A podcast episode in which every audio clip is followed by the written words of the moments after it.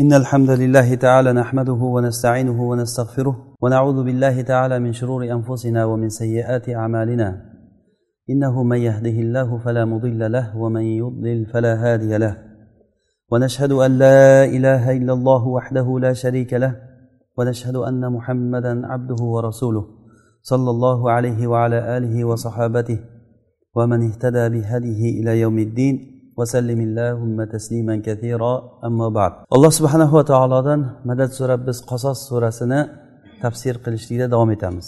Bu sura muborakada alloh subhanahu va taolo insonlarni katta bir xatolaridan bo'lgan insonlarni asosiy bir hayotda qonuni bo'lgan xatolardan ya'ni qonuni bo'lgan ikkita bir tushunchani bandalarga to'g'riladi. Bu ham bo'lsa birinchisi sulton quvvati ya'ni odamlarda mizanul quvva deyiladi ya'ni quvvat o'lchovi. Har bir inson qalbida quvvat o'lchovi bor. Asosan bu quvvat o'lchovi yo bu sulton bilan bo'ladi ya'ni mansab bilan yoki bo'lmasa mol bilan. Odamlar mana shu ikkita narsa bilan o'lchaydi. Ya'ni ommani tili bilan aytganda har kim o'zini qarichi bilan o'lchaydi deyiladi. Har kim nima? O'zini qarichi bilan o'lchaydi. Mana shu o'lchanadigan mezon o'lchanadigan o'lcham bu dunyoqarash deymizmi? Shu narsa asosan odamlarda ikkita bo'ladi. Birinchisi sulton quvvati ikkinchisi mol quvvati. Alloh subhanahu va taolo mana shu ikkala quvvatni ham manbasi bularni aslisi ollohga ekanligini bayon qildi. Bu sura karimada ikkita qissani keltirdi alloh taolo. Birinchisi fir'avnni qissasi ikkinchisi surani oxirida qorunni qissasi. Fir'avnni qissasida alloh taolo sulton quvvati podshohda emas ekanligini ko'rsatib berdi. Qorunni qissasida bo'lsa mol quvvati molda emas. Buni biz tarixda voqelikda qancha bir misollarda ko'rishimiz mumkin. Qancha qancha sulton egalarini ko'ramiz ya'ni mansabga o'tirgan odamlar bor ulardan quvvat ketib qolgan. Masalan bir shirkatda mudir bo'lib ishlagan odam bo'lishi mumkin.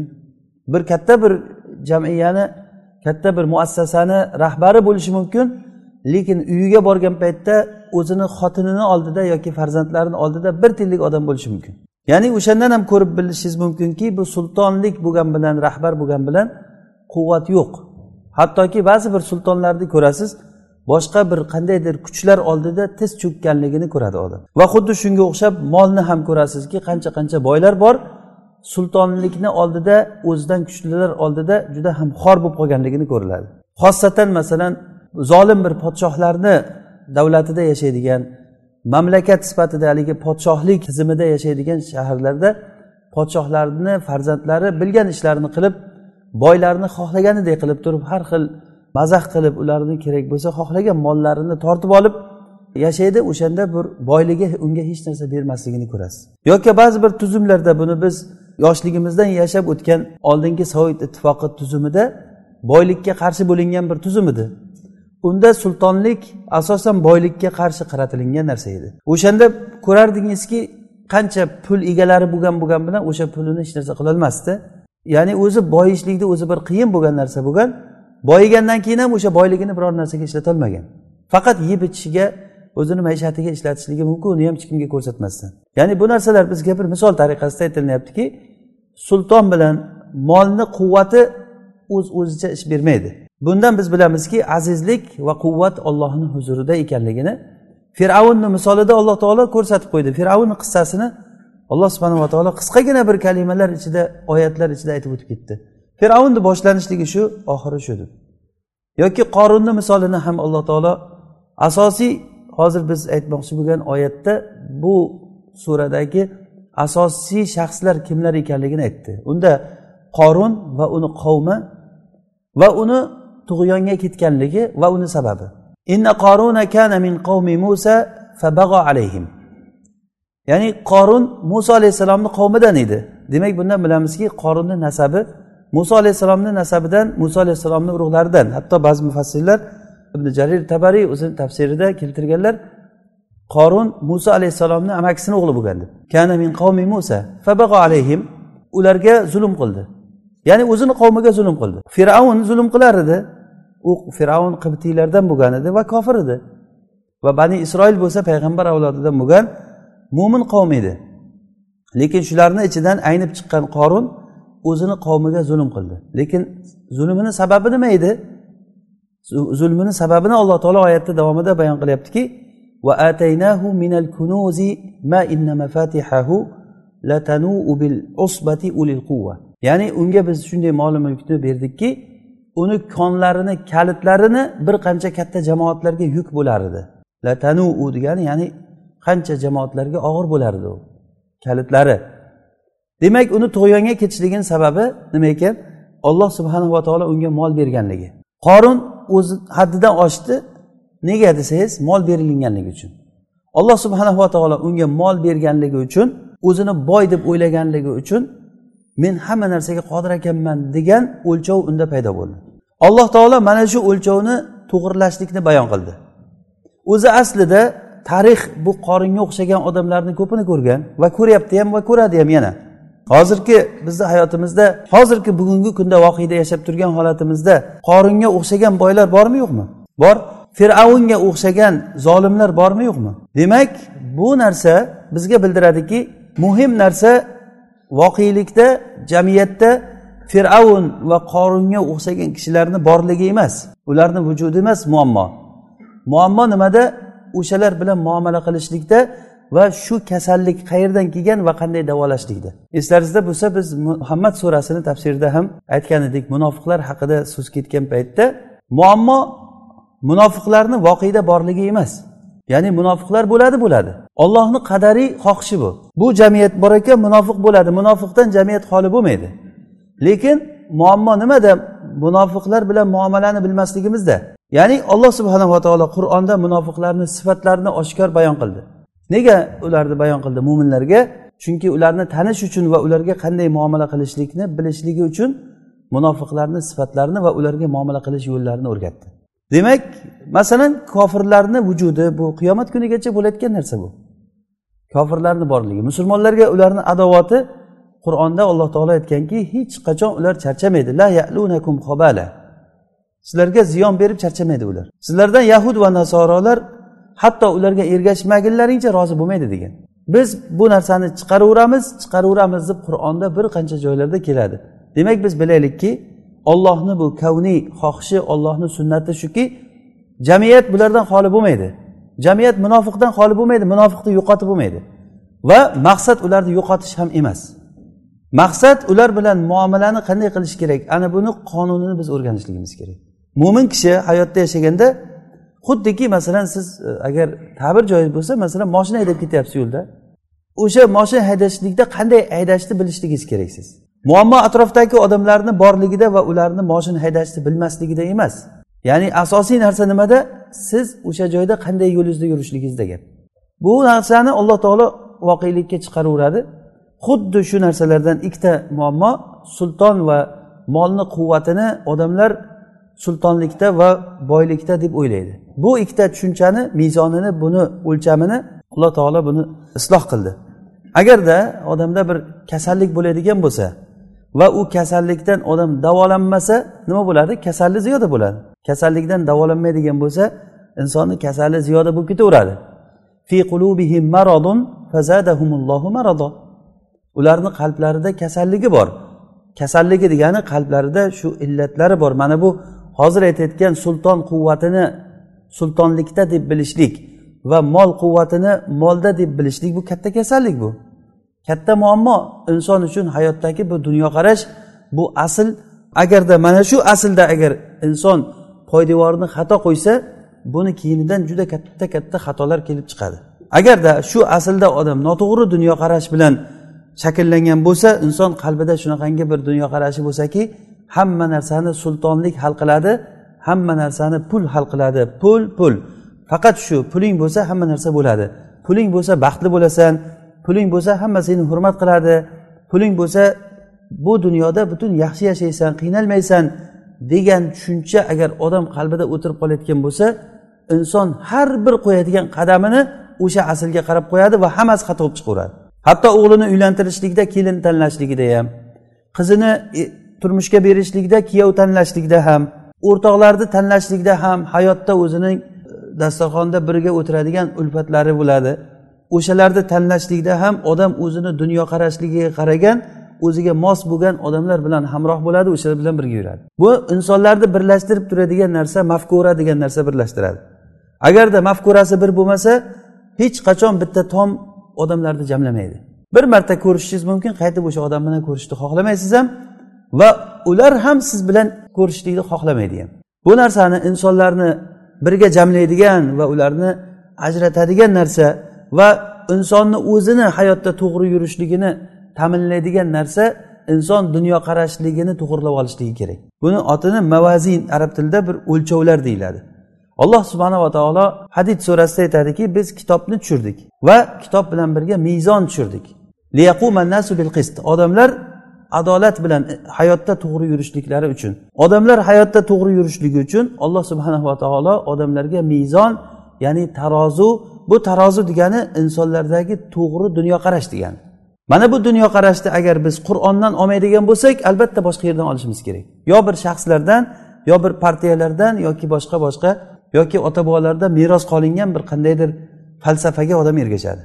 Yo bir faylasufdan yo bir mufakkir mufakkir islomiy degan hozirgi islom fikrchilari degan odamlar chiqqan. Ular o'zlaricha o'zlari falsafa o'qiydi qur'on nuri bilan nurlanmagan holatda odamlarga qonunlar va falsafalarni o'rgatmoqchi bo'ladi. Lekin alloh subhanahu va taolo rahm qilgan mo'minlar ollohni nuri bilan nurlanadi va qur'on hidoyati bilan hidoyatlanib odamlar to'g'ri qadam tashlaydi. Mana shulardan ikkita muammo sultonlik muammosi sulton ya'ni quvvat sultonda degan va ikkinchisi quvvat molda degan tushunchani alloh taolo to'g'irladi. Agarda hozir yuqorida aytganimizdek agar bir kishi kasal bo'lsa shu kasalligidan agar davolanmaydigan bo'lsa davolanmasa kasal ziyoda bo'ladi.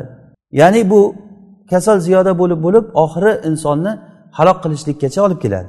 Bu ham xuddi shunday. Insonda birdan paydo bo'lib qolmaydi. Ba'zi paytlarda ba'zi bir kishilarni ko'rasizki allohga iymon keltirgan quvvat ollohda deganu lekin quvvatni hammasi ollohda deb iymon keltirmagan. Ya'ni uni ichida muammolari bor. Keyin hayotga kirgandan keyin inson har xil odamlar bilan ko'rishadi. Bozor qilasiz tirikchilik qilasiz uylanasiz farzandli bo'lasiz xotin bilan bo'ladigan muammo e, yoki o'sha bu narsalar muammo deymizmi? Hayotda bo'ladigan har xil to'siqlarga odam duch keladi. Mana shu paytda inson qalbida qanaqangi dunyoqarash bo'lsa o'sha bilan yechim berib ketaveradi. O'sha uchun ham bu aslda xato qilgan kishi juda ko'p ko'p xato qiladi. Lekin amalda xato qilishlik ba'zi inson ba'zan xato qiladi. Masalan yo'lda to'g'ri yo'lda ketayotgan odam qoqilib ketsa agar bu turib ketaverishligi mumkin. Masalan to'g'ri yo'lda ketayotgan odam bu qoqilib ketishligini ziyoni yo'q qoqilib ketdi degan. Lekin muammo nimada? Boshqa yo'lga tushib olishlikda muammo bor. Boshqa yo'lga ketgan odam agar to'g'ri yurganday ko'rinsa ham lekin u qayerqa ketyapti u u manzilga qarab ketmayaptida u boshqa yo'lga qarab ketyapti u gap mana shunda. Demak o'sha yo'lni to'g'irlab olishlikda bu narsa inson o'zini dunyoqarashini qur'onni nuri bilan nurlangan holatda to'g'irlab olishlik kerak. Bizdagi o'lcham boylik va kursi bo'lmaslik kerak. Va o'shanda do'stligimiz ham xuddi shu bilan shu o'lchov bilan joyiga keladi. Agar kimni boyligi ko'p bo'lsa o'shanga kulib qarash unga salom berishlik hurmat izzat qilib gapi kulgili bo'lmasa ham hamma ha ha ha ha deb kulib qo'yadi boy gapirsa. Haligi bizda e, og'zi qiyshiq bo'lsa ham boyni bolasi gapirsin degan gaplar bor. Bu gaplar nimaga kelib chiqqan? O'sha boyni bolasi gapirgandan keyin kulgili bo'lmasa ham hamma bir tirjayib qo'yadi. Kambag'al odam bir yaxshiroq narsa hikmatli bir gapni gapirsa ham odamlar unga e'tibor ham bermaydi qaramaydi ham. Nega? Chunki shu davrada o'tirgan odamlarni dunyoqarashligi ularni qalbidagi quvvat mezoni quvvat o'lchovi boylik bilan o'lchanadi. O'sha uchun boy odamni ko'rsa qalbida hurmat paydo bo'ladi. O'z uz o'zidan hurmatlab qoladi boy odamni ko'rgandan keyin. Kambag'al odamni ko'rsa o'z uz o'zidan xohlamasdan odam hurmatsizlik paydo bo'lib turib gapirsa gapiga javob ham bermay savoliga javob ham bermay ketishligi mumkin. Masalan oddiygina bir moshinada bir joyga borib bir ishni bitiraman degan odam bilan eng oxirgi chiqqan modeldagi moshinani minib borib o'zini butun olibda ko'rsatib ishlarni qilgan odamga magazindagi nimalar ham o'sha sotuvchilar ham do'kondagi kishilar xizmatni boshqacha ko'rsatadi nega unday chunki ularni mezoni ular qalbidagi o'lchovi sultonlikda quvvat bor deb o'ylaydi aslida bu narsa bu bir tiyinga qimmat narsa ekanligini alloh taolo buni qorunni misolida ko'rsatib qo'ydi alloh taolo qur'onda aytadiki la yarjuna liqoana ورضوا بالحياة الدنيا واطمأنوا بها والذين هم عن آياتنا غافلون bizni oyatlarimizni bizni qiyomat kunida ollohga yo'liqishlikni umid qilmaydigan. Bizga yo'liqishlikni umid qilmaydigan dunyo hayoti bilan rozi bo'lgan va shunga xotirjam bo'lgan odamlar ana ular bizni oyatlarimizdan g'ofil deyapti alloh taolo.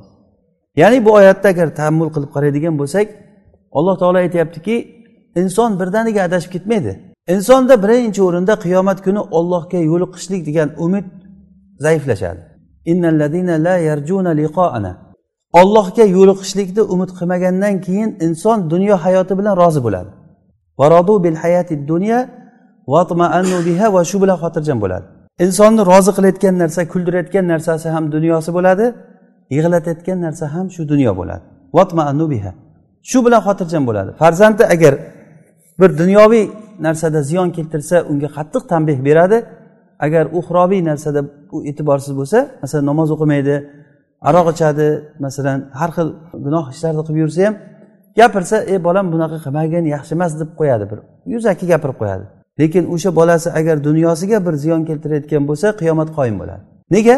Chunki bu odamni o'lchovi bu oxirat o'lchovi bilan o'lchanmagan. Va keyin oxirgi natija nima bo'ldi? Va ular bizni oyatlarimizdan g'ofil alloh taoloni koinotda oyatlari bor. Bu oyatlardan g'ofil bo'lgan odamlar eslatma pandi nasihat olmaydi. Masalan bir yerga bir shaharga boraman degan odam noto'g'ri yo'lga tushib olgan. Shu yo'lga ketayotgan paytda biror bir o'sha shaharga olib borayotgan alomatni ko'rmaydi. Chunki boshqa yoqqa qarab ketyapti. Alomatlarni ko'ryapti boshqa yoqqa ko'rsatib qo'ygan alomatlarni. O'sha alomatlarni ko'rgan paytda bu odam ibrat olmaydi. E men qayerga ketyapman? Qayerga boryapman? deb o'ylamaydi. Insonni hayoti xuddi shunday. Inson tug'ilgandan boshlab manzilga oxirat yo'liga tushgan. Shu yo'lda davom etib ketayotgan odam oldidan oyatlar chiqadi. Masalan qarish boshlanadi soqolingiz oqaradi sochingiz oqaradi. Qarasangiz farzandlaringiz bir zumda katta bo'lib qoladi qizingiz katta bo'ladi o'g'lingiz katta bo'ladi. Bilmay qoladi. Odam shunchalik sezmay qoladiki hatto alloh subhanava taolo bu dunyo hayoti bir arzimas narsa bo'lganligi uchun uni o'tganini ham bildirmayotgan qilib qo'ygan. Kaallam tag'na bil ams.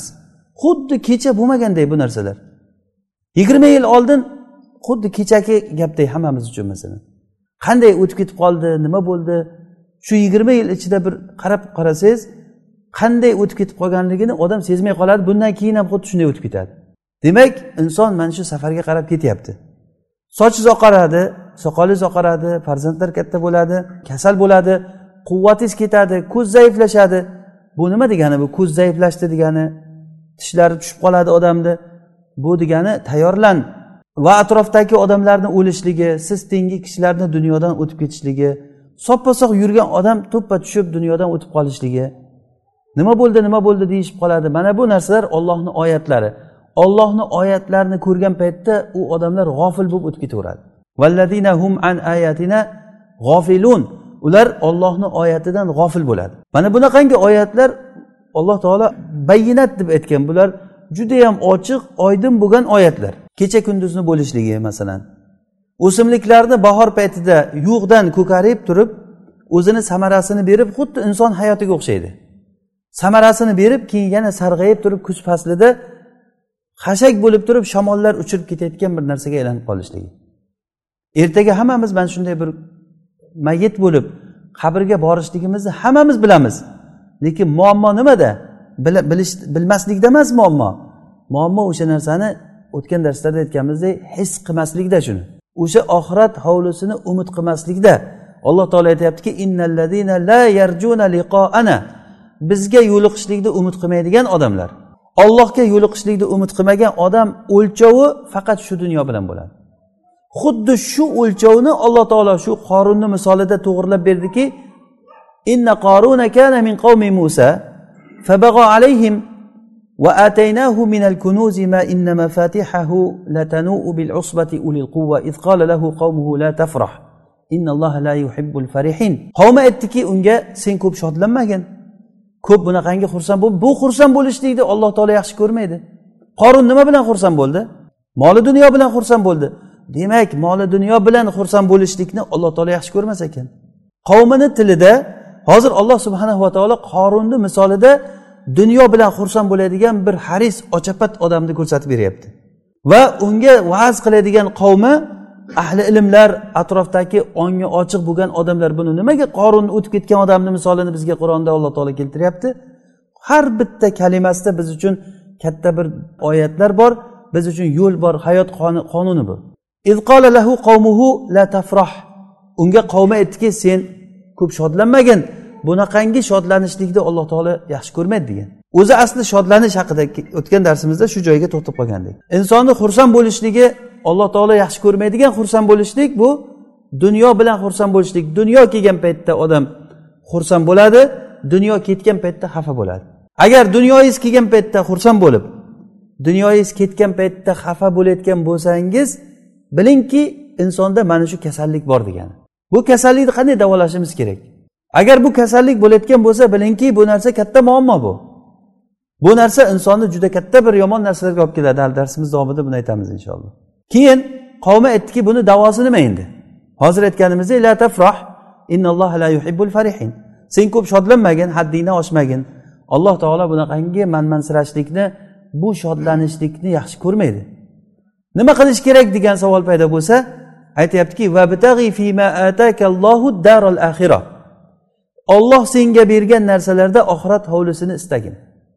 Vabtag'iy vabtag'iy degani sen istagin arab tilida utlub ma'nosida ya'ni oxirat hovlisini ista degani qayerda ekan? Oxirat hovlisiga olib borayotgan narsa qayerda ekan? Oxirat hovlisiga meni nima yetkazar ekan deb ista deyapti. Uyingda o'tir degani yo'q. Olloh bergan narsadan foydalanib oxiratingda najot topayotgan ishingni qilgin fima atakalloh. Senga bergan narsalarda sen talab qilgin nima uchun? Vabtag'i bima atakalloh demasdan vabtag'i fima atakalloh deyapti. Nima uchun senga bergan narsalarda fi kalimasi bilan keltiryaptida mana tolib ilmlarga savol. Nima uchun fima atakalloh deyaptida bima atakalloh demayapti. Senga berilingan narsa bilan oxiratni istagin demayapti alloh taolo. Senga berilingan narsalarda oxiratni ista bu degani senga berilingan narsalarni hammasida oxiratni istagi bo'lsin senda degani. Oxirat uchun bitta narsani berib qo'yib bo'ldi buyog'i hayotda yana o'zing bilganingdek yashaver degani emas bu. Va fima atakalloh ya'ni senga berilingan hamma narsada oxiratni istagi bo'lsin. Senga berilingan narsalar nima?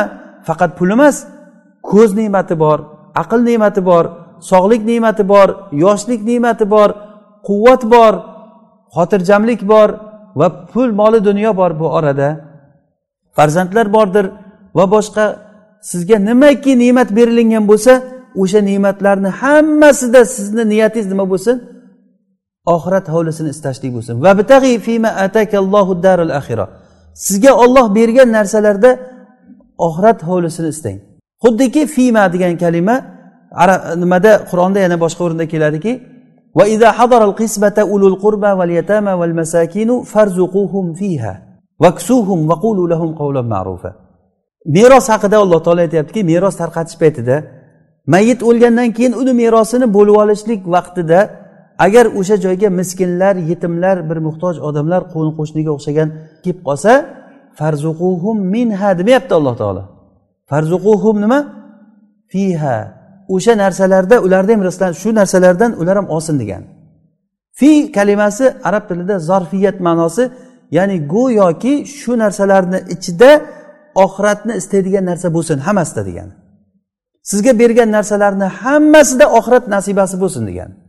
Va yana bu va bitag'i deganligi asosiy insondan maqsad o'zi oxiratni istash bo'lishi kerak. Vala tansa buni arab tilida jumla mo'tariza deydi. Shunday o'rtaga kirgizib ketyaptiki alloh taolo dunyodan ham nasibangni unutmagin deyapti. Demak dunyodan nasibangni unutmagin deganligidan bilamizki asosiy narsa dunyodagi nasib emas bu. Asosiy narsa nima? Oxirat hovlisini istashlik. O'sha uchun alloh taolo masalan bir odamga boylik berdi. O'sha bergan boyligini hisob kitob qilsin boshqa odam emas o'zini o'zi hisob kitob qilsin odam. Shu olloh bergan boylikni men qanchasida oxirat hovlisini istayapman va qanchasida dunyoni istayapman. Olloh sizga bergan boylikni qanchasini o'zizga ishlatyapsiz va qanchasini oxirat uchun ishlatyapsiz? Oxirat uchun ishlatishgansiz o'ziz uchun? Ya'ni boshqacharoq aytsak qanchasini shu dunyoyingiz uchun ishlatyapsiz qanchasini oxiratingiz uchun ishlatyapsiz? Alloh taolo aytyaptiki oxiratdagi nasibangni ham unutma degani bu qur'onni bir ajib tabiriki vala tansa nasibaka nasibaka degani senga belgilangan nasibang. Bu degani nasibasi belgilangan odamni. Bu o'zgarmaydi. Insonga belgilangan nasiba nimadan bo'lsa ham keladi. Uylanishdan bo'lgan nasiba agar bir ayolga uylanishingiz kerak bo'lsa uylanasiz iloji yo'q. Alloh taolo o'shani sizga nasiba qilganmi? Uylanasiz. Ayol kishini erga tegishidan bo'lgan qaysi erkak bilan yashash nasibasi bo'lsa o'sha yetib keladi. Xoh halol bilan yo'l yetib kelsin xoh harom bilan yetib kelsin. Lekin inson o'ziga o'zi o'sha narsani haromlashtirib oladi. Masalan inson mana shu mezoni to'g'ri bo'lmagandan keyin shu dunyoqarashi xato bo'lgandan keyin kishini menga dunyo tezroq kelsin deb turib harom yo'lni tanlaydi. Boyish uchun harom yo'lni tanlaydi. Nima uchun? Dunyodan ko'proq foydalanayin deb. Lekin mo'min odamdan agar siz so'rasangizki shu sen topgan mollaringdan hammasidan foydalana olasanmi yoki o'zingni nasibangni olasanmi desa nima deb javob beradi? Mo'min odam albatta o'zimni nasibamni olaman deydi. Demak o'zingni nasibadan boshqasi qo'lida bo'lsa ham u boshqaga qolib ketadi. Yo yo'qotib qo'yadi yo birov tortib oladi hech bo'lmasa merosxo'rlarga qolib ketadi. Unga hech qanday shukur aytmaydigan unga rahmat aytmaydigan odamlarni qo'liga tushib boshqa odamlar uni huzurini ko'radi bu odam savol javobini beradi. Foyda qildimi ziyon qildimi bu odam? Ziyon qildi. Shuning uchun ham rasululloh sollallohu alayhi vasallam aytdilarki ruhul qudus meni qalbimga hozir vahiy qildi. Inna ruhal qudus nafaha fi rav'i anna nafsa lan tamuta hatta tastakmila rizqaha. Fattaqulloha va ajmilu fi talab. Ruhul qudus meni qalbimga vahiy qildiki birorta nafs o'ziga belgilangan rizqini olmaguncha dunyodan o'tmaydi. Bu rizq belgilangan rizqi havodan bo'lsin suvdan bo'lsin va boshqa ko'zda rizqi bor ko'rish ana shu ko'zda rizqi tugagan paytda ko'z ko'rish to'xtaydi. Havodan bo'lgan har bitta nafas insonga sanalingan rizq o'sha to'xtagan paytda sizniki to'xtaydi. Mana bu sizni nasibangiz. Va siz dunyodagi olayotgan nasibangni nasibaka deganda ka deb izofa qilyapti alloh taolo. Bu seni nasibang degani. Buni ham unutma.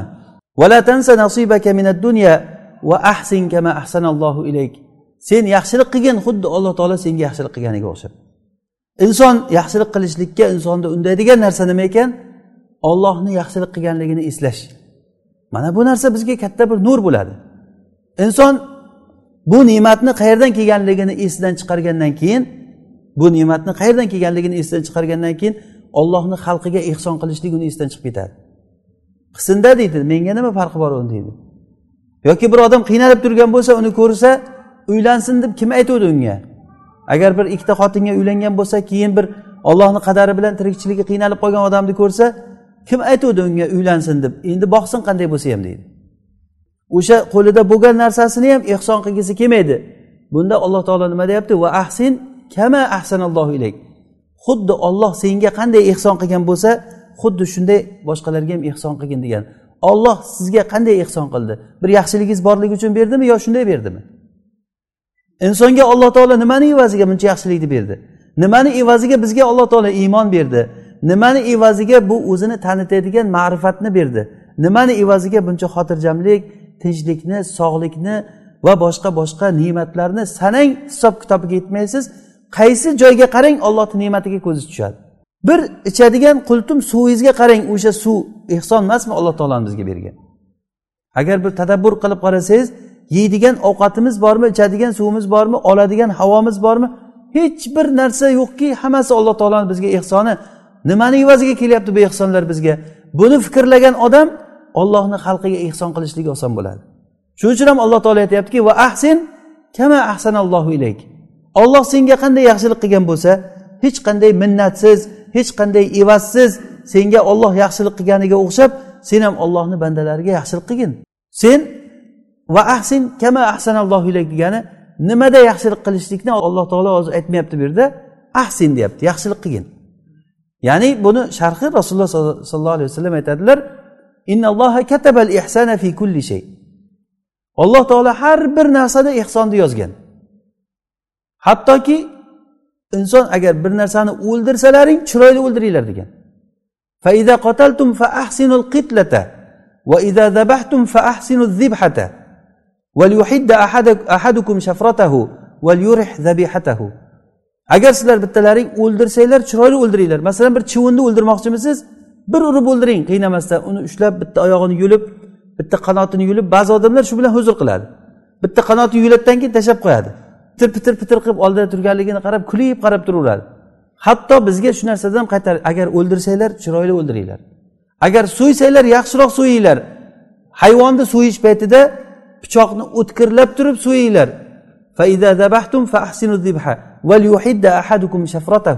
sizlarni bittalaring pichog'ini o'tkir qilsin va so'yiladigan hayvonni rohatlantirsin tez so'ysin o'tmas pichoq bilan uni qiynamasin degan. Hatto shunda ham ehsonni yozgan alloh taolo. Bo'lmasa u so'yiladigan narsaku u. Bo'lmasa o'ldiriladigan narsaku u. O'shanda ham ehson bo'lgandan keyin bundan bilavering endi ollohni xalqiga bo'lgan ehson birga yashab turgan turmush o'rtog'iga bo'lgan ehson farzandlaringizga bo'lgan ehson qo'shningizga bo'lgan ehson jamiyatda siz bilan birga yashab turgan kishilarga bo'lgan ehson har birida siz bizga buyurilindiki va ahsin. Alloh taolo bizga bergan narsalarda ollohni nasibasini biz unutmaylik va o'zimizni nasibamiz ham bor bundan. Alloh taolo hammasini olloh yo'lida ber deganda haqqimidi haqqi emasmidi ollohni agar hamma narsalaringni beringlar deganda ollohni haqqi bormidi yo'qmidi? Haqqi bor edi. Alloh taolo qur'onda aytadiki alayhim anfusakum min diyarikum agar biz ularga buyurganimizda o'zlaringni o'zlaring o'ldiringlar diyorlaringdan chiqib ketinglar deganimizda kamdan kam odam bizni buyrug'imizni bajarardi ولو أنهم فعلوا ما يوعظون به لكان خيرا لهم وأشد تثبيتا وإذا لآتيناهم من لدنا أجرا عظيما ولهديناهم صراطا مستقيما agar ular biz aytgan buyruqni shuni ham qilganlarida edi bu ularni o'zlari uchun yaxshi bo'lardi. Lakana lahum. Bu ular uchun yaxshi bo'lardi. Demak biz uchun yaxshilik butkul yaxshilik ollohni buyurgan buyrug'ini qilishlikda bo'ladi. Inson buni teskarisini o'ylaydi. Inson o'ylaydiki ollohni buyurgan buyrug'ini qilmasam yaxshi bo'ladi deb o'ylaydi. Aslida yaxshilik butkul yaxshilik ollohni buyurgan buyrug'ida har bir narsada. Taloqda ham nikohda ham hayotda nima masalani oling ollohni buyurgan buyrug'idan yaxshi narsa yo'q. Vaman ahsanu minallohi hukma. Hukm qilishlikda kim ollohdan ko'ra yaxshiroq? Olloh o'zi yaratgan kishilarga hukm qilishlikda ollohdan ko'ra kim bu yerda adolatliroq? Ollohdan ko'ra kim boshqa hukm qilayotgan odam bor? Hukm faqat ollohniki alloh taolo bandalarni o'zi yaratdi o'zi boshqaradi odamlarni ollohni hukmlarini har biri hikmatdan xoli emas. Hech qaysi hikmatdan xoli emas. Har bir qilgan ishida har bir buyurgan buyrug'ida alloh subhanava taoloni hikmati bor. Demak insonda mana shu mezon shu dunyoqarashlik bo'lsa agar hamma narsani shu bilan o'lchaydi. Hayotda bo'layotgan o'zgarishlarni shu mezon bilan o'lchaydi. Hatto abu bakr roziyallohu anhu bir kuni rasululloh sollallohu alayhi vasallam makkada kabani oldiga kelib ibodat qiladigan paytlarida namoz o'qiyotgan paytlarida sahobalardan anchasi bordi. Ya'ni kambag'al bo'lgan sahobalar kirgan unda dinga va abu bakr bor edi. Shunda quraysh kofirlari kelib turib rasulullohni do'ppaslab urib ketdi. Sen bizni yo'ldan ozdiryapsan deb hatto o'sha paytdagi qarab turgan zaif sahobalar turib rasulullohni ayirib olishlikka jur'at qilisholmadi abu bakr turib qattiq kuch bilan borib yopishib ular bilan urushib ketdi. Ular abu bakrni urib ketdi. Abu bakr rasulullohni himoya qilardi ularni zarbasi faqat abu bakrga tekkan hatto yuzi ko'rinmay ketdi abu bakrni yuzlari ko'rinmay ketgan holatda ham o'shanda aytar ediki ey robbim qanchalik sen halimsan? der edi. Ya'ni mana shu joyini aytmoqchiman. Robbima ahlamak. Ey robbim qanchalik halimsan? Ya'ni ularni bu qilayotgan ishiga rasulullohni do'pposlab urishligiga olloh subhanahu va taolo ularga sabr qilib qarab turishligini halimlikdan kelib chiqqan narsa ekanligini abu bakr shu ko'z bilan qaradi. Mo'min kishi mana shunday qaraydi. Mo'min kishi agarda boyib qolsa men ilmim yaxshiligi uchun tadbirkorligim uchun men biznesmenligim uchun boyib ketdim deb o'ylamaydi. Olloh o'zini fazlini berdi menga deydi. Kamdan kam odam illo olloh istisno qilgan kishilar bundan mustasno boylik kelgan paytda bu fazlni ollohga emas o'ziga qaytaradi. Vaqtida qildik ishni deydi vaqtida o'qidik vaqtida ishladik kechani kecha demadik kunduzni kunduz demadik. Mana bugun rohatini ko'rib o'tiribmiz deydi. Xuddiki bu bo'lgan ishlar bu yaxshiroq uyda turganligi va buni boyligi uni hammasi o'zini tadbirkorligi o'zining puxtaligi ilmidan kelib chiqqanligidek bo'ladi. Xuddi shu qorunni misolida alloh taolo ko'rsatdi. Qorun aytdiki ala ilmin indi. Men bu narsalarga o'zimdagi ilm bilan erishdim dedi. Demak bu mol bilan faxrlanishlikni orqasidan o'z uz o'zidan ilm bilan faxrlanishlik kelib chiqadi. Ilm bilan faxrlanishlik bu o'zimni tadbirkorligimdan o'zimni bilimdonligimdan bo'ldi bu narsalar deb qorin xuddi shu narsani aytganligini alloh taolo bizga hikoya qilib beryapti. Demak muammo nimada? Muammo inson ollohni bergan fazlini ollohga qaytarmasdan o'ziga qaytarishligi. Birinchi o'rinda inson qalbiga shu keladi. Tili bilan aytishi mumkin olloh berdi alhamdulillah. Yaxshi mehnat qildim lekin deydi. Asosiy narsa o'zini mehnatiga bo'ladi. Bu narsani ba'zi bir ahli iymon bo'lgan kishilardan eshitishligingiz mumkin. Men bir kishini uyiga borganimda bir uy sotib olgan ekan. Shu uyni sotib oldingiz yaxshi yaxshi uy olgan ekansiz. Olloh baraka bersin deb gapirib turganimda aytyaptiki endi shuncha yil ishladik olamizda uy deyapti.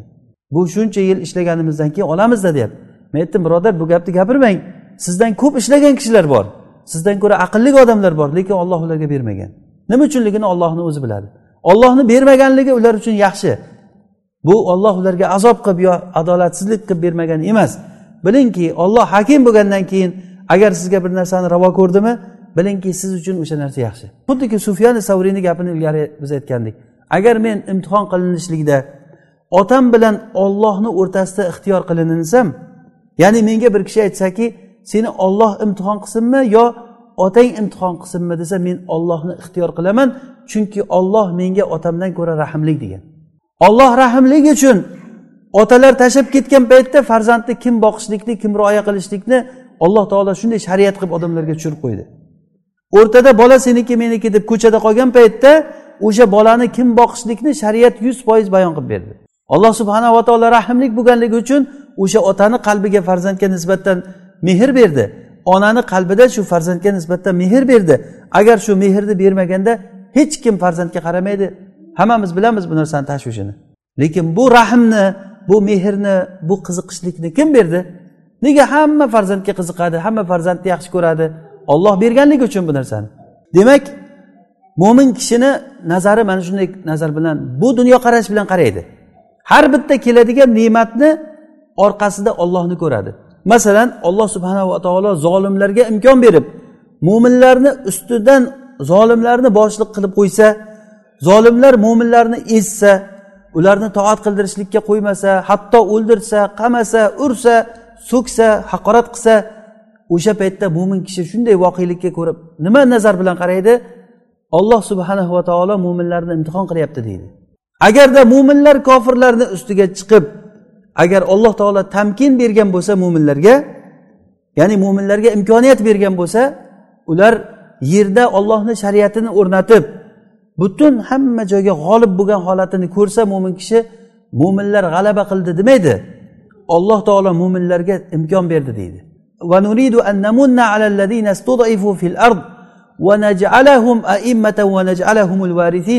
Mana bu oyatda alloh taolo bizga bayon qildi. Shu suramizni boshida. Va nuridu nuridu degani arab tilida alloh taolo biz xohlaymiz nuridu degani mutakallim o'zini aytyapti. Annamunna biz. Annamunna alallazina studifu fil ard va naj'alahum biz deyapti yana. Va naj'alahum aimma biz ularni imom qilishlikni xohlaymiz va biz ularni merosxo'r qilishlikni xohlaymiz biz qilamiz bu ishlarni. Ya'ni bularni hammasini foili bajaruvchisi kim? Alloh taolo o'ziga qaytaryapti. Demak mo'minlarga kim imkon berar ekan? Olloh kim ularga nusrat berar ekan? Olloh kim ularni merosxo'r qilar ekan? Olloh qilar ekan. Agar mo'min kishi mana shunday holatda o'zgarishni hayotda bo'layotgan o'zgarishni ko'ring bir kishi kasal bo'lib yotganligini ko'rsangiz bu kasal bo'lgan odamni kasalligi o'zini yomonligidan yo boshqa narsadan deyilinmaydi bunga olloh shuni beribdi deyiladi. Xuddi shu ko'z bilan ko'ringki bir odamni boyib ketganligini ko'rsa yomon kallali odam shu. Shunaqangi ishlaydi tinmay ishlaydi. Mana shu uchun shunday. Deb qaradingizmi? Demak sizdagi o'sha ko'z qarash noto'g'ri mezon. Noto'g'ri mezon. Buni to'g'irlash kerak bu narsani. Va buni ustiga boshqa narsalar quriladi mana. Hozir o'ylaymanki bu narsani ancha tushunib yetyapmiz buni. Ya'ni bu narsa muhim bo'lgan asl bu. Mana shu ko'z qarashlikni alloh subhanava taolo to'g'irlash uchun mana shu surada qorinni misolida aytdi. Yerda fasodni istamagin dedi. Ya'ni bu degani boylik berilingan odamlarda aksari olloh mustasno qilgan kishilardan olloh asragan odamlar bundan ayri lekin aksar kishilar olloh bergan narsalarni fasodga ishlatadi. Olloh bergan ko'zni harom narsaga ko'proq ishlatadi halolga ishlatgandan ko'ra ko'proq. Kuniga qarasa odam nechi vaqt qancha vaqt ibodatga vaqt ketyapti? Qog'oz oling qalam oling yozing. Men qancha vaqtimni ollohga ibodat qilishlikka oxirat hovlisini obod qilishlikka ishlatyapman va qancha vaqtimni dunyomga ishlatyapman qancha vaqtimni foydaga ishlatyapman deb ko'ring. Yozing o'zizni o'zi hisob kitob qiling. Kuniga nechi marta whatsappga qarab telefonga qancha vaqt ko'zingizni tikiltirib shu nurini ketkizib qarab o'tirasiz. Ollohni sizga bergan ne'matini nimaga ishlatyapsiz? Bu faqatgina biz buni boy boy odamlarni haromga pulini ishlatayotganligini ko'rib mana bular haromga pulini ishlatadi. Ollohni bergan ne'matini noto'g'ri narsaga ishlatadi deb gapirgan odamlar o'zlariga berilingan umrni nimaga ishlatyapti? Olloh uchun ollohni dinini o'rganishlikda qancha kuchingizni sarflayapsiz kuniga? Olloh bergan toqatni qanchasini sarflayapsizu qanchasini boshqa narsaga sarflayapsiz? Nechi soat uxlayapsiz o'zingizni nasibangiz uchun? Alloh taolo qur'onda aytdiki dunyodagi nasibangni unutma dedi.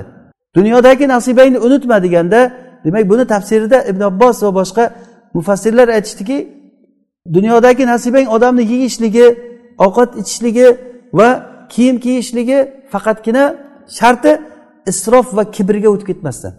Isrof va kibrga o'tmasdan yeng. Kulu vashrobu vala tusrifu. Alloh taolo aytdiki yeyglar ichinglar isrof qilmanglar dedi. Yeyglar ichinglar o'zi asli yeyishlik muboh narsa yeyglar deb buyurmasa ham o'zi yeyishlikka ruxsat berib qo'yibdi alloh taolo. Lekin shuni buyruq suratida aytdiki yeylar alloh taoloni bir rahmliligidan yeylar ichinglar lekin isrof qilmanglar degan. Demak biz isrof qilishlikda faqatgina ovqatni olib chiqib axlatga to'kib yuborishlikni biz isrof deb tushunamiz. Lekin xuddi o'shanga o'xshagan vaqtimiz nimaga ketyapti ertadan kechgacha bo'lgan vaqtimiz? Qancha vaqt whatsappga qarab o'tirgan odamlar kuniga qur'ondan o'qiydigan vazifang qancha deb so'rang bitta bitta odamlardan odam o'zidan o'zi so'rasin. Kuniga qancha men qur'ondan robbimni kalomi bu? Agar shuni o'qisam menga ajr bo'ladi. Deyapti alloh taolo. Senga olloh bergan narsada oxirat hovlisini istagin. Bugun sen qur'on o'qisang ertaga ollohni oldiga borganda topasan. Bugun bir tiyin agar olloh uchun bersang ertaga ollohni oldiga borganda topasan. Kuchingdan bitta quvvatni hattoki yo'lda yotgan bir tikanni agar olib qo'ysang ollohni oldiga borganda topasan buni ajrini. Sen nima qilyapsan kuniga ertalabdan kechgacha? Bitta varaq olib o'zimizni o'zimiz agar hisob kitob qilsak qancha vaqtimiz foydaga ketyapti? Qancha vaqtimiz faqatgina dunyo nasibasi uchun ketyapti? Bu narsada odam hijolat bo'ladi. Mana bu narsani hozir bugun to'g'irlashlikni iloji bormi? Ana bu oyat biz uchun. Bu oyatlar aytilingan paytda xuddi biz yuqorida oyatda aytganimizdek bizni oyatlarimizdan g'ofil bo'lgan odamlar deb do'zax ashoblarini aytyapti alloh taolo. Olloh asrasin o'sha odamlardek bo'lib qolmaylik biz. Ollohni oyatlari aytilingan paytda g'ofil bo'lib bu quloqdan kirib bu quloqdan chiqib ketayotgan odam ollohni oyatlaridan g'ofil odam degani. Harakat qilsa odam masalan nechi yildan beri islomdaman deb davo qilgan yigirma yil bo'lgan o'ttiz yil bo'lgan istiqomatni boshlaganimizga namozni boshlaganimizga necha yil bo'lgan lekin shu necha yildan beri qancha qur'on yodlashni o'rgandingiz? Qancha qur'onni ma'nosini tushunishlikka harakat qildingiz? Agar bir yilda bir pora yodlaganda ham hozir yigirma pora qur'on yodlagan bo'lishingiz kerak edi. Siz qancha qur'on yodladingiz hozirgacha? Alam tarakayfagacha bo'lgan joyda to'g'ri o'qiyolmasa qur'onni necha yildan beri namozxonsiz necha yildan beri bir taqvodorman deb yuribsiz desa yigirma yil bo'ldi o'n besh yil bo'ldi katta katta yillar gapiriladi. Lekin mana shu yillarda demak biz kamchiligimiz nimada? O'sha olloh bizga bergan narsani oxiratni hayoti uchun ishlatmaganligimizda bo'lyapti. Ollohni bergan narsasini ollohni yo'lida ishlatmaslik. Sizga alloh taolo bergan narsada oxirat hayotini istang. Demak mana shu olloh bergan narsalar bizni ko'zni ne'mati umr ne'mati hatto farzand masalan. Farzandimni qanday qilib tarbiyalay? Farzandim kim bo'lsin? deganda birinchi savol shu farzandni sizga oxiratda foyda bo'lishligini oxiratda sizga oldingizdan chiqadigan bir narsa bo'lishligini istang birinchi o'rinda. Lekin dunyoda ham nasibasini unutmang. Nasibaka deganligi bu nasiba sizga kelaveradi. Harakat qilsangiz ham keladi harakat qilmasangiz ham keladi bu. Lekin baribir bunga olloh buyurganligi uchun harakat qilamiz bunga. Dunyodagi nasibangni unutma deganda nasibaka degani biz bildikki bu narsa o'zgarmaydigan bir nasiba. Xuddi buni misoli masalan bir muvazzafni bir bizni ustozimiz misol qilib bergan edi bir katta bir shirkatda ishlaydi keyin ishlab ishlab haligi boyigisi keladi oylik olgan oyligi hech boyigan boyiydigan oylik emas. Keyin bir kuni o'sha katta shirkatni nimasini pul tarqatadigan buxgalterini pulini tortib olaman deb o'zicha qasd qilgan. Payt poylab borib turib o'sha sefni ochish paytida borib turib orqasidan urib o'ldirib sefni ochib qarasa o'sha oyliklarni hammasini tarqatib bitta shu odamga berilayotgan oylikni seyfga qo'yib qo'ygan ekan. O'zi nasibasini olib ketgan o'sha yerdan. Agar shunday qilmasa ham o'sha narsani oladi. Inson bolasiga nima taqdir qilingan bo'lsa shu narsa keladi. Bundan boshqa narsa kelmaydi. Hatto ba'zi bir rivoyatlarda keladi sihatini allohu alam ibrat uchun aytamiz. Ali ibn abi tolib roziyallohu anhu bir kuni masjidga kirib namoz o'qiyman degan paytlarida tuyani ushlab turishlik uchun bir bolaga ushlab turgin shuni deb masjidga kirib ketganlar chiqqanicha haligi bola tuyani jilovini olib tuyani qo'yib yuborib o'zi qochib ketgan. Ali haligiga ushlab turganligi uchun bir ehson qilayin deb qo'lida ikki dirham pul olib chiqyapti ekan shunga beraman. Deb qarasa tuyasi qo'yib yuborilingan jilovi yo'q. Jilov sotib olaman deb turib bozorga borsa haligi bola jilovni sotishini ko'rib turibdi. Chekkadan turib kuzatib turganda ikki dirhamga sotibdi o'shani. Haligi o'g'irlangan narsani. Agar sabr qilib turganda shuni olardi uni. Demak bu nasibasi insonga halol bo'lsin harom bo'lsin sizga taqdir qilingan narsa keladi. O'sha uchun mana shu narsaga iymon keltirsa agar odam ko'p narsalar hayotda o'zini o'rnini topadi. Va ahsin kama ahsanallohu ilayk dedi alloh taolo. Demak biz qachon ehson qila olamiz ekan? Ollohni bizga bergan ehsonini eslasak o'shandagina ehson qila olamiz. Buni misolida abu bakr roziyallohu anhuni bir voqeasi rasululloh sollallohu alayhi vasallamni ayollariga ya'ni oysha onamizga zino qildi deb turib tuhmat qilingan. Zino qildi deb turib tuhmat qilingan. O'sha tuhmatchilarni ichida mistah ibn asasa degan kishi ham bor edi. Bu abu bakr roziyallohu anhuga qarindoshchiligi ham bor edi. Kambag'al odam edi. Abu bakr roziyallohu anhu har oy yordam berib turar ekan haligiga har oy yordam berib kelgan. Abu bakrni qarindoshi ham abu bakrdan yordam olib turgan kishi ollohni qadari bilan rasulullohni ayoliga bu zino qildi degan tuhmatchilar ichiga qo'shilib qolgan. O'ylamasdan gapirgan shu gaplarni. Shunda olloh taolo tarafidan oysha onamizni baroati pokligi haqida nur surasida oyat nozil bo'ldi. Oysha onamizni pokligi haqida oyat tushgandan keyin abu bakr g'azablanib qasam ichdiki vallohi men bugundan boshlab mestahga biror tiyin bermayman deb qasam ichdi.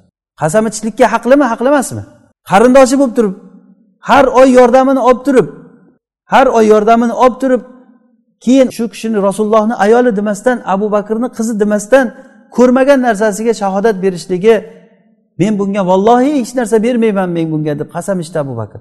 Shunda olloh subhanahu va taolo oyat nozil qildiki nur surasida vala ya'tali ulul fadli minkum saati an yu'tu ulil qurba wal masakin wal muhajirin fi sabilillah wal ya'fu wal yasfahu.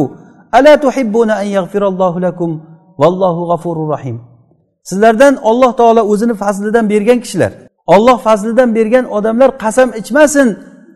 Olloh yo'lida muhojir bo'lib chiqqan miskin bo'lgan va qarindosh bo'lgan kishilarga bermayman deb qasam ichmasin. Sizlar yaxshi ko'rmaysizlarmi? Alloh taolo sizlarni mag'firat qilishligini. Yaxshi ko'rmaysizlarmi? deganda abu bakr aytgan ekanki yo'q biz olloh bizni kechirishligini yaxshi ko'ramiz. Yaxshi ko'ramiz deb turib yana nafaqa berishlikni boshlagan. Bu olloh uchun bo'lgan narsadan boshqa narsa emas bu. Xuddi kuni kecha xuddi shu narsani bir voqeasi bo'ldi menga. Whatsappdan bir birodar savol yozyapti. Yigirma yoshlik meni asrandi o'g'lim bor onasiga ergashib kelgan. Kichik paytidan kelgandi ko'p ranjitdi meni. Men u boladan ko'p xafa bo'ldim. Ko'p gaplarni yozgan. Men u boladan qisqasi xafa bo'ldim. Endi u bola e, bir kishiga uylanmoqchi ekan o'sha uylanaman degan kishisi E, meni shahodatimni xohlayapti hozir. Meni qalbim ranjigan shunga yaxshilik bilan shahodat bergim kelmayapti deb so'radi. Men shu kishiga e, abu bakrni shu qissasini aytib berdim. Abu bakr roziyallohu anhuga alloh taolo shunday degan siz olloh sizni kechirishligini yaxshi ko'rmaysizmi? Alloh taolo kechiradi o'zi kechirimli zot deganimda u kishi birdan menga javob qaytardiki judayam qalbimni ochadigan bir misol keltirildi. Abu bakrni misol qilganingizdan shu qalbim ochilib ketdi. Alloh taolo meni gunohimni kechirishligini yaxshi ko'raman. Tamom qalbimda hech narsa qolmadi dedi. Alhamdulillah bu narsa iymondan bu narsa. Biz bir birimizdan ba'zi bir narsalarda xafa bo'lamiz.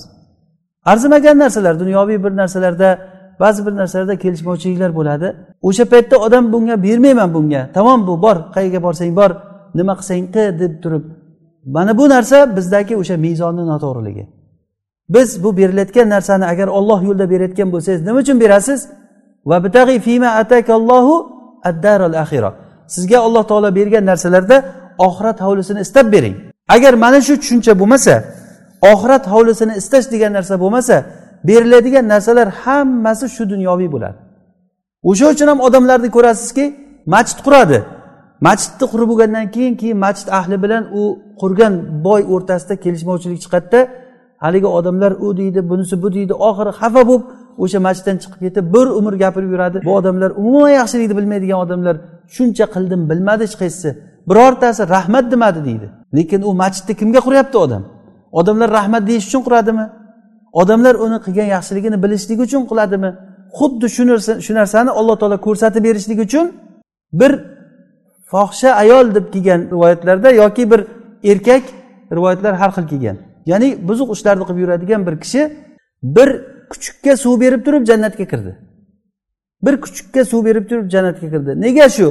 Mana bu narsada shu ko'rilyaptiki oxirat hovlisini istab qilgan shu ishni sizni bitta ishingiz ollohga yoqib alloh taolo o'sha ish bilan sizni mag'firat qilishligi mumkin lekin u nimaligini siz bilmaysiz. O'sha uchun biz tinimsiz alloh taologa yaxshi amal qilishlikda oxirat hovlisini istashlikka harakat qilishligimiz kerak. Kim uchun qalbida bir narsa hurmatli ulug' bo'lsa o'sha narsani yaxshi ko'radi va o'shani ulug'lab shuni yo'lida odam nafaqa qiladi. Bu inson qalbidagi ulug'lashlikdan kelib chiqqan narsa. Agar inson qalbida dunyo ulug' bo'lsa qiladigan narsasi uni ko'z qarashi dunyo uchun bo'ladi. Agar oxirat ulug' bo'lsa oxirat bo'ladi. Demak bizni muammomiz oxirat hovlisini tafsilotlarini bilishligimiz bo'ladi. O'shani bilmasligimiz bizga muammo bo'ladi. Oxiratga jumlatan iymon keltiramiz. Ya'ni oxirat bor o'lgandan keyin tirilishlik bor. Alloh taolo hisob kitob qiladi deyilinadi lekin o'sha hisob kitob qilgan paytda gapirgan gapni har biriga javob berasiz.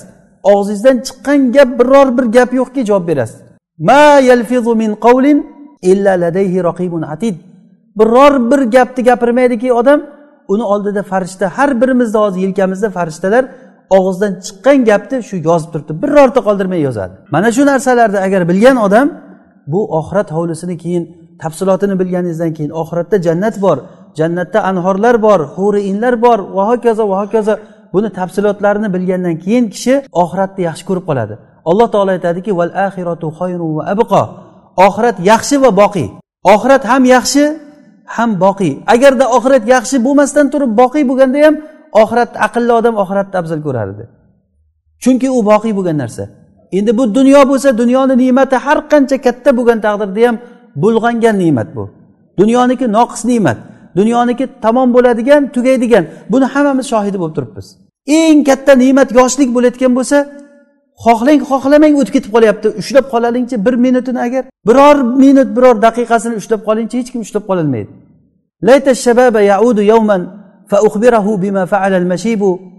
shoir aytgani kabi qaniydi agar shu yoshlik bir qaytib kelsa edi qarilik nimalar qilganligini men unga aytib bersam shikoyat qilib. Yoshlikda qanaqangi yigit edi? Hozir mana ko'p yoshlar ertaga ozroq vaqt o'tgandan keyin agar olloh umr bersa ko'rasizlar yigirma yil o'ttiz yil ko'z ochib yumgunchalik o'tib ketib qoladi. Bu dunyo o'tkinchi narsa. Oxirat bo'lsa boqiy. Kim agar oxiratda najot topsa o'sha odam haqiqiy najot topgan bo'ladi.